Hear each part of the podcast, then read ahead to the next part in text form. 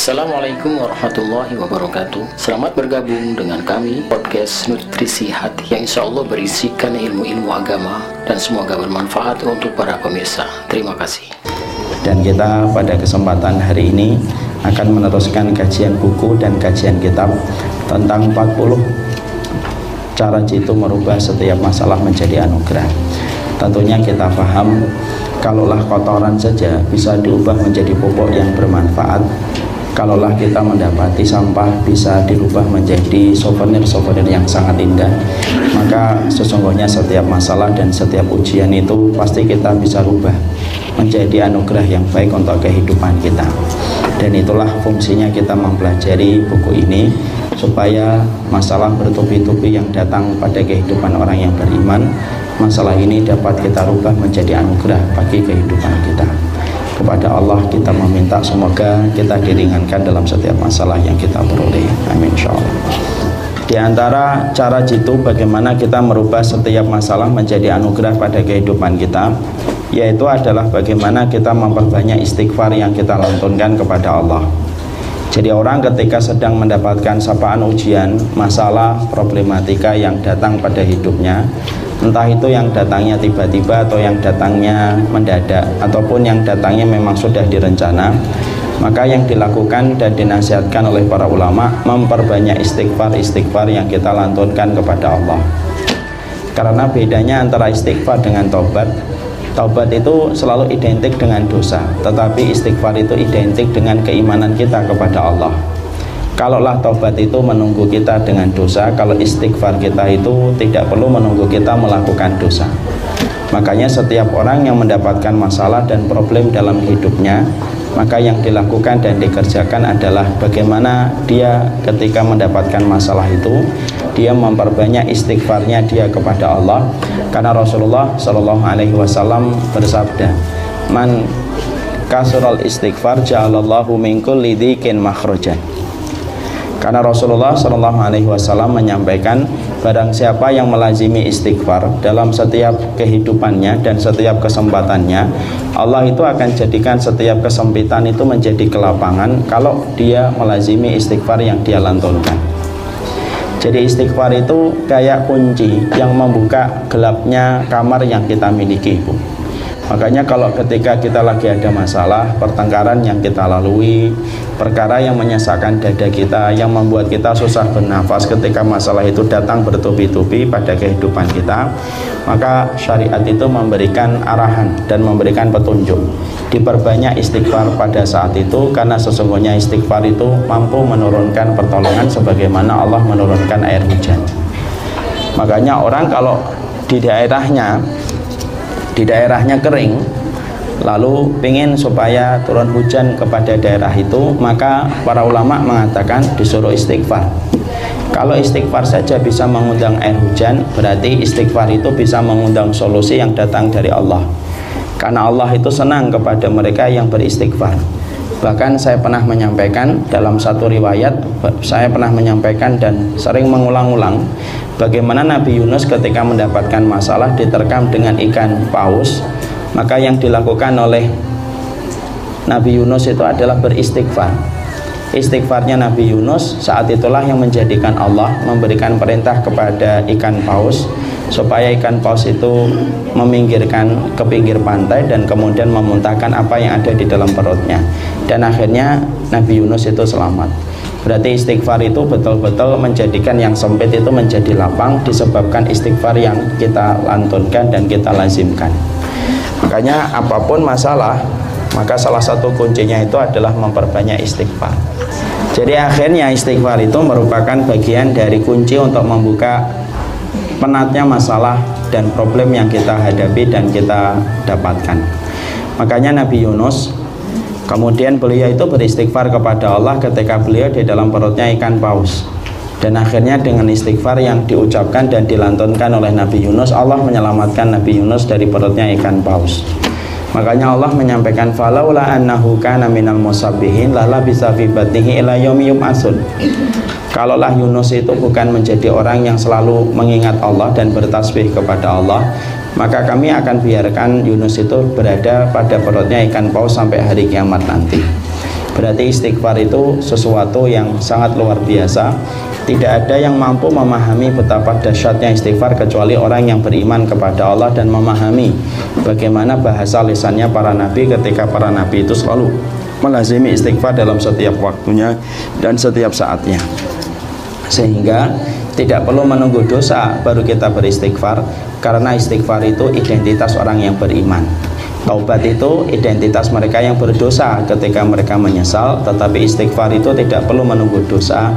Maka kita beristighfar supaya yang sempit itu dilapangkan Supaya yang jauh itu menjadi dekat ketika kita memperbanyak istighfar kita kepada Allah.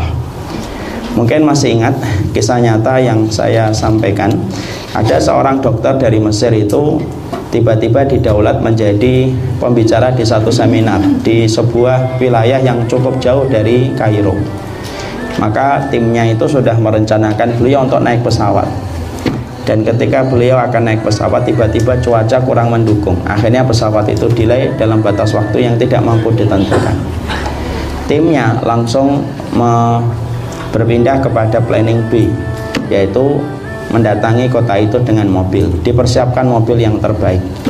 Mulailah sang dokter memulai perjalanan ke kota yang akan beliau mengadakan satu seminar tiba-tiba mobil tersebut macet mogok di satu tempat di mana mogoknya mobil sang dokter itu tidak jauh dari satu rumah yang ada di pinggir jalan. Maka orang yang ada rumahnya di pinggir jalan itu lalu beliau kasihan ibu-ibu itu kasihan melihat rombongan orang tersebut yang mogok mobilnya. Lalu kemudian akhirnya sang dokter itu dipersilakan oleh sang ibu untuk memanfaatkan apa yang ada di dalam rumah itu apabila ingin memakai kamar mandi. Maka dokter akhirnya memakai kamar mandi itu tanpa tahu bahwasanya sang ibu itu punya anak yang menderita penyakit dan sang ibu juga nggak tahu kalau yang dia persilakan masuk ke rumahnya itu adalah seorang dokter. Dokter masuk kemudian ngelewatin orang yang sedang tergeletak lemah di atas tempat tidurnya sempat menarik perhatian sang dokter cuma dia langsung ke kamar mandi. Habis dari kamar mandi barulah beliau keluar dari kamar mandi. Beliau lalu penasaran dengan anak tersebut. Jadi akhirnya dan sang dokter itu kemudian bertanya kepada anak yang tergeletak lemah. Lalu kemudian beliau bertanya ini sakit apa? Lalu sang ibu menjawab ini sakit ini sakit ini didiagnosa oleh dokter di sekitar kami Lalu karena sang dokter itu tahu Lalu karena sang dokter itu tahu bagaimana kondisi sang anak tersebut Maka sang dokter berkata Ini harusnya dibawa ke Kairo Supaya ditangani dengan penanganan secara maksimal. Lalu kemudian sang ibu berkata Sebenarnya saya sudah berusaha membawa ke Kairo. Ada salah satu dokter yang dirujuk oleh dokter-dokter di kota kami tapi dua kali saya datang ke Kairo tetapi saya tidak berhasil menemui beliau. Sang dokter itu kemudian penasaran. Siapa nama dokter yang ibu tuju dan menjadi referensi dokter ke sini ketika ibu datang ke Kairo? Disebutkanlah nama sang dokter itu dan ternyata itulah sang dokter yang sebenarnya dicari ibu itu dua kali. Kaget sang dokter itu sampai akhirnya sang dokter itu kemudian melanjutkan safarnya untuk mengisi seminar. Beliau mengutus satu tim khusus untuk mengambil anak tersebut. Dibawalah kemudian anak itu ke Kairo ditangani sama beliau dioperasi dan dengan izin Allah membaik. Sang dokter itu setelah operasi beliau itu berpikir keras. Ini amalan ibu ini apa ya? Sampai bisa menjadikan pesawat saya itu gagal untuk take off dan kemudian delay dengan batas waktu yang tidak mampu ditentukan dan bisa menjadikan mobil saya mogok tepat di depan rumahnya. Padahal tidak ada yang bisa melakukan itu semuanya kecuali pasti karena Allah yang mengaturnya. Lalu sang dokter mendatangi ibu itu dan ketika bertanya kepada ibu itu apa sih yang ibu lakukan sampai mendapatkan kekuatan pertolongan yang sangat besar dari Allah semacam itu? Maka sang ibu itu mengatakan saya tidak punya amalan apa-apa sang dokter kecuali satu amalan yang sering saya lakukan Amalan yang sering saya lakukan adalah saya tidak pernah lepas istighfar setiap hari dan setiap waktu. Maka sang dokter itu langsung mendapatkan kisah itu dan diceritakan oleh beliau dalam banyak kesempatan.